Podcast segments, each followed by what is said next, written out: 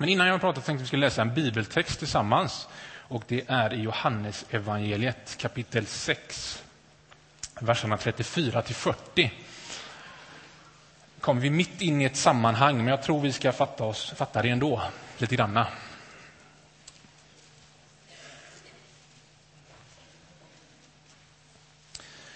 Sidan 7, 59.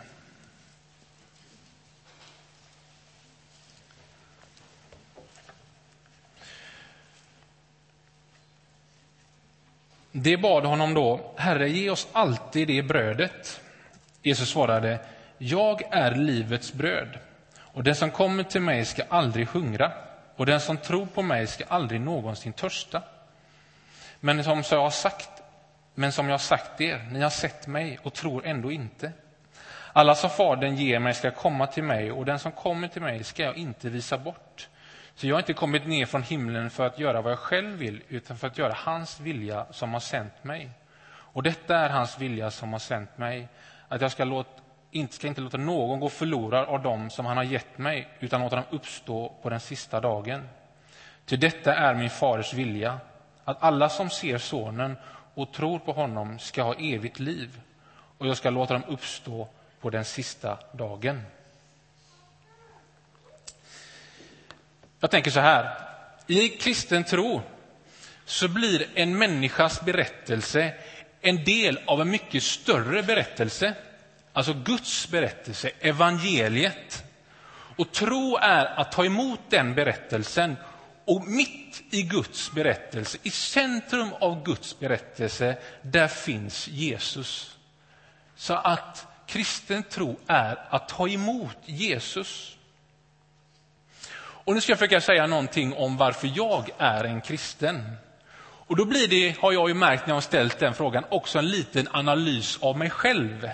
Vem jag är. Och det är ju lite läskigt, men så får det vara. För jag skulle säga att min berättelse, eller min resa, har blivit en del av en mycket större berättelse, Guds berättelse. Och vi får börja erkänna att jag har en dramatisk sida. Folk som lär känna mig brukar ändå säga att Magnus han är ganska lugn och trygg.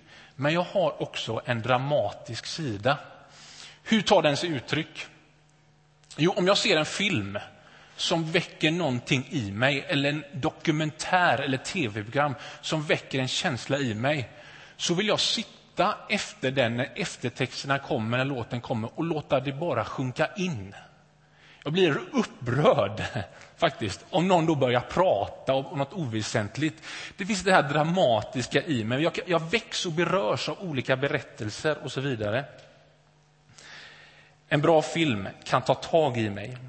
Och Jag skulle säga att inför livet, det här stora, stora livet, så skulle jag nog säga att jag är dramatisk. Det vill säga, jag måste ta det på allvar och kan bli lite irriterad när jag möter människor som jag uppfattar det som i alla fall inte tar det riktigt på allvar.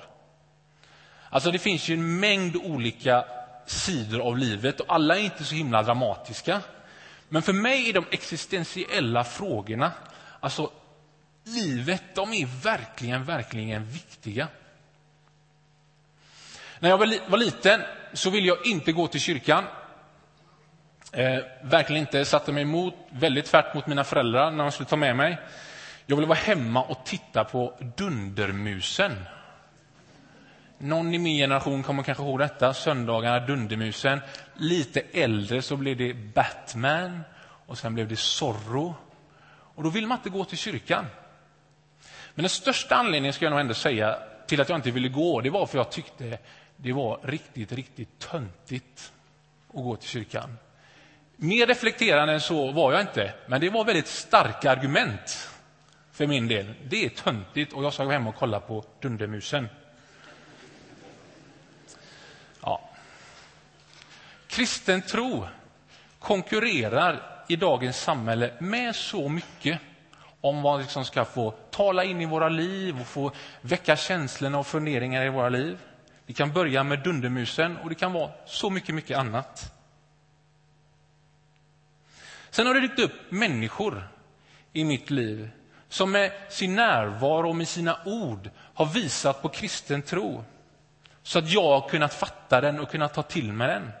Och framförallt var det en ungdomsledare i min kyrka där jag var med som tonåring som hjälpte mig på den resan. Och jag har flera människor att tacka för att de har lyckats kommunicera med ord och sina liv så att jag har kunnat ta till mig kristen tro. Jag har varit med om upplevelser som har varit jätteviktiga för mig.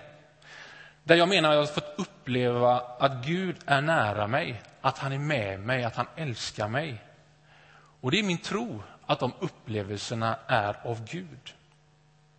Men huvudorsaken till att jag fortfarande kallar mig kristen, kristen är någon som jag mer och mer dras till. Jag ska försöka beskriva det så handlar det om någon slags dragningskraft. En fascination och en skillnad som en person gör på mitt liv. Det är den dragningskraft som Jesus har på mig som gör att jag kallar mig kristen. Jesus är för mig ett laddat namn. Ett kraftfullt namn. Ett namn som gör någonting med mig. Jag är uppvuxen i, uppvuxen i Åkered, Näset, västra Göteborg, övre medelklass.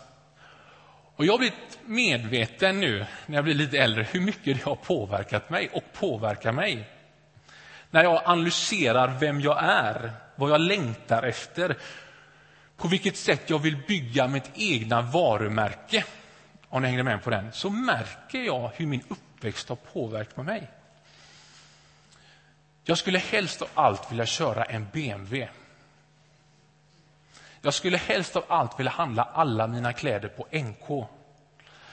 Jag skulle helst vilja dricka mitt kaffe bara på Damateo. Nu börjar det tappa lite i svårighetsgrad, sådär, va? Ni är med mig ändå? Vilket bröd äter jag helst? Surdegsbröd. Vilken tidning läser jag helst? Filter, en cool tidning, en tidning som heter Ikon.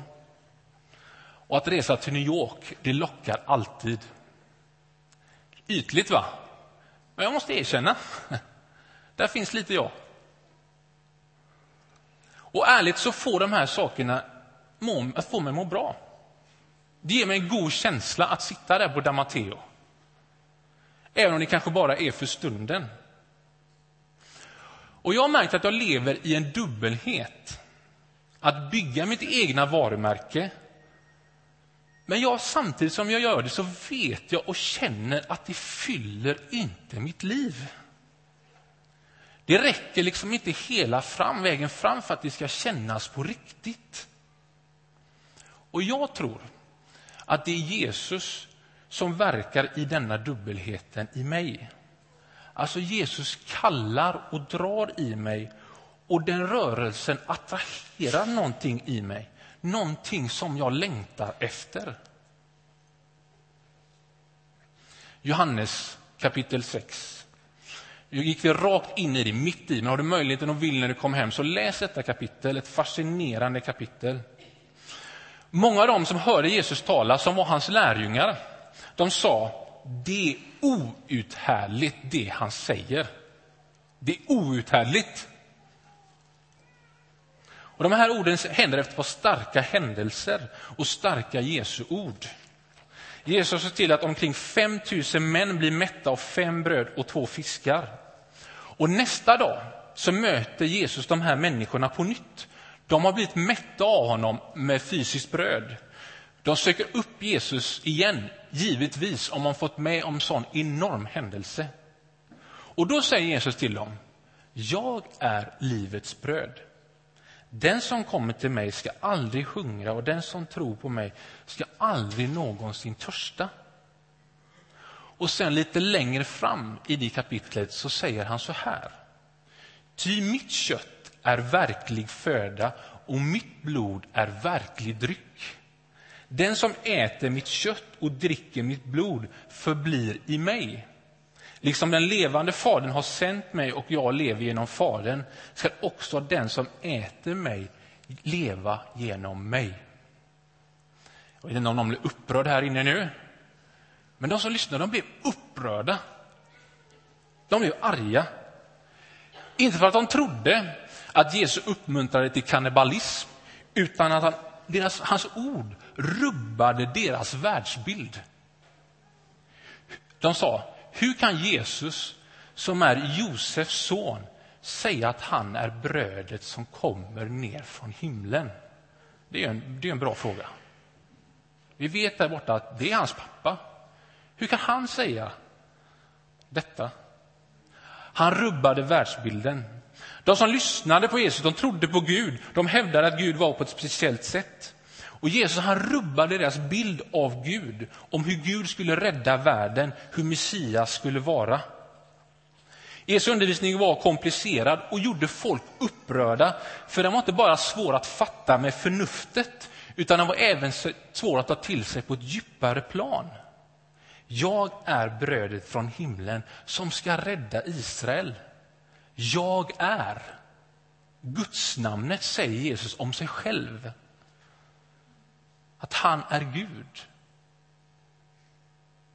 Jesus menade, ser man på honom så kan man se, Guds far, kan man se Gud, Fadern. Jag och Fadern är ett, säger han. Bröd och liv. Två vardagliga ord Jesus använder för att vi ska kunna upptäcka vem han är och dras in i relationen med honom.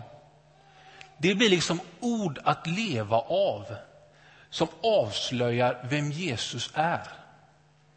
Det är symbolik för att beskriva vem Jesus säger sig vara.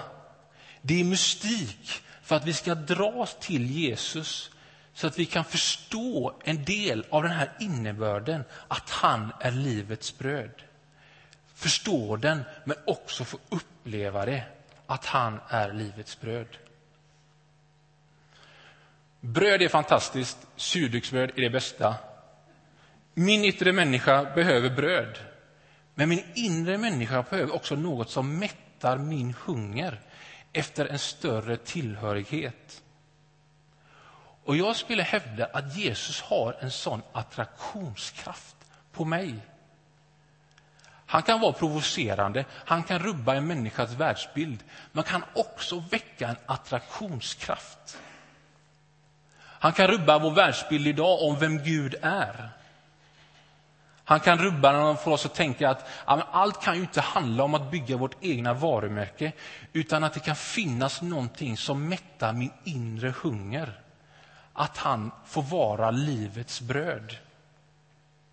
Det är gött med kaffe, det är gött med fotboll, det är fantastiskt att ha en vacker fru, fina kläder, men jag längtar efter någonting mer. Och det skulle jag våga hävda att det tror jag att jag har funnit i Jesus. I de ord som han säger sig själv vara. Det tror jag. Det är väldigt lätt hänt att göra Jesus till en vishetslärare eller till morallärare. Och han var vis. Han undervisade en fantastisk moral som mycket av västerländskt samhälle bygger på. Absolut. Och jag var på teaterföreställning för inte så länge sedan på föreställningen Bibeln. Och jag uppskattade verkligen den här upplevelsen. Jag uppskattade deras sätt att jobba med bibeltexterna. Verkligen.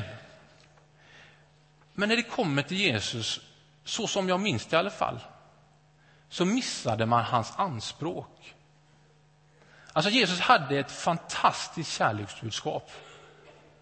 Det hade han verkligen. Men han gjorde större anspråk än så, än att vara en budbärare med ett budskap.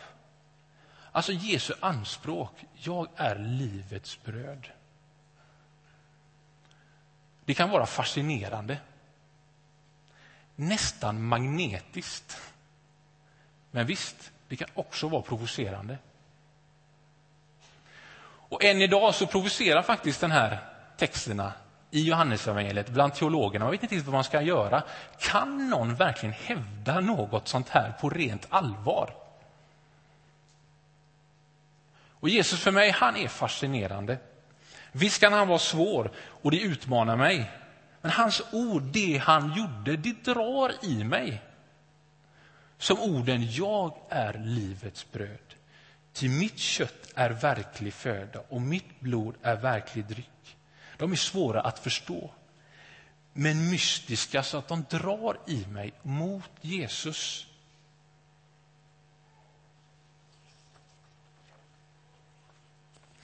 Ett antal år sedan så fick min pappa ett besked om att han hade fått en hjärntumör. Och ganska snabbt efteråt så gick han bort på grund av hjärntumören. Och jag var mitt uppe i teologistudier, mitt i ambitionen och drömmen att jag skulle jobba som pastor. Och många vänner frågade mig, vad gör den här erfarenheten och det du är med om och det du har varit med om din tro på Gud? Och jag bad till Gud att han skulle gripa in i min pappas liv. Jag undrar varför det inte skedde. Varför blev han inte frisk? Och sen efteråt så tittar jag tillbaka den och jag tror jag lärde mig en viktig sak och många viktiga saker, men en sak som jag tänker på just nu. Det är att Gud är inte tomten. Det är inte jätterevolutionerande, men det är en värd tanke att fundera på. Utan så mycket större. Jesus lovar ingen framgångssaga för de som följer honom, men hans närvaro. Och mitt i det svåra så behöver jag mer än någonsin hans närvaro. Och det är det jag kan säga. Jag tror jag upplevde hans närvaro och jag hungrade efter den mitt i det svåra, mitt i mörkret. Gud är inte heller en snuttefilt. Det är också sånt man får höra. Liksom. Man kristna de tror för att de behöver en snuttefilt. Men en snuttefilt den kastar man bort när det blir mörkt. Då märker man att den håller inte. Det är en filt. Men för mig har Jesus gjort att jag velat hålla kvar min tro i det svåra. För han har liksom mättat min hunger efter någon slags närvaro in i det svåra. Jag tänker att Jesu person och ord går att bygga sitt liv på. Och man analyserar, man funderar. Jag har flera vänner som som gjorde samma uppväxt som jag i kyrkan. Och skulle jag säga ungefär samma upplevelser, samma ungdomsledare. Men som har lämnat kyrkan av olika anledningar. Sen har de lämnat tron, det vågar jag inte svara på. Men den starkaste anledningen att jag är kvar, det är Jesus. Jag kan tröttna på gudstjänster. Förlåt att jag säger det. Jag kan tröttna på kyrkan. Jag kan tröttna på vad jag uppfattar som dålig teologi och konstig karismatik. Men Jesus, det namnet är laddat för mig. Hans person drar i mig. Han väcker någonting i mig. Han mättar mig. Så honom vill jag tro på och leva med. Jag hoppas att det inte verkar förenklat, det jag säger. Men Jesus mättar någonting i mig som inget annat gör. Inget annat. Det betyder inte att jag fyll, inte fyller mitt liv med andra saker. Jag fortfarande älskar surdegsbröd. Jag gillar livet, det är Guds gåva till mig. Men jag känner att jag behöver Jesus. Och så behöver jag Jesus, inte bara då, utan nu. Det är inte en formel, be och ta emot Jesus så är det färdigt, utan det är en relation. En ständig relation med han som är livets bröd och den påverkan som han kan göra på mitt liv. Det var många som blev arga på Jesus och lämnade honom på grund av det han sa. Men jag tänker så här, och jag ber som Jesu lärjunge Petrus när han fick frågan, ska du också, eller ska ni också lämna mig? Och då sa han, Herre, till vem skulle jag gå? Du har det eviga livets ord och jag tror och förstår att du är Guds helige. Jag kan hålla med, jag kanske tänker så här. Herre, till vem skulle jag gå? Du har det eviga livets ord och jag tror och har börjat förstå att du är Guds helige. En del av min berättelse. Jesus sa, jag är livets bröd. Din berättelse var befinner du dig någonstans? Vem är du? Var befinner du dig just nu? Fundera kring de orden. Vad betyder de för dig? om Jesus säger till dig just nu att han är livets bröd. Jag ber en bön.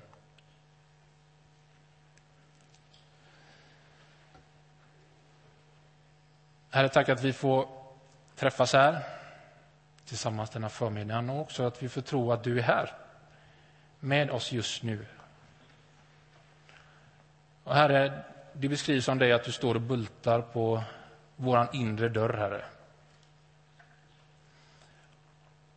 Och kanske idag går frågan ut och dina ord till oss om att, eh, att du säger att jag är livets bröd.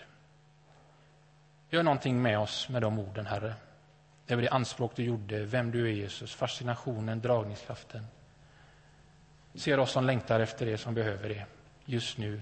Mer än bara en förnuftstanke, som en tro, utan också som en tröst, som en kraft, som en hopp.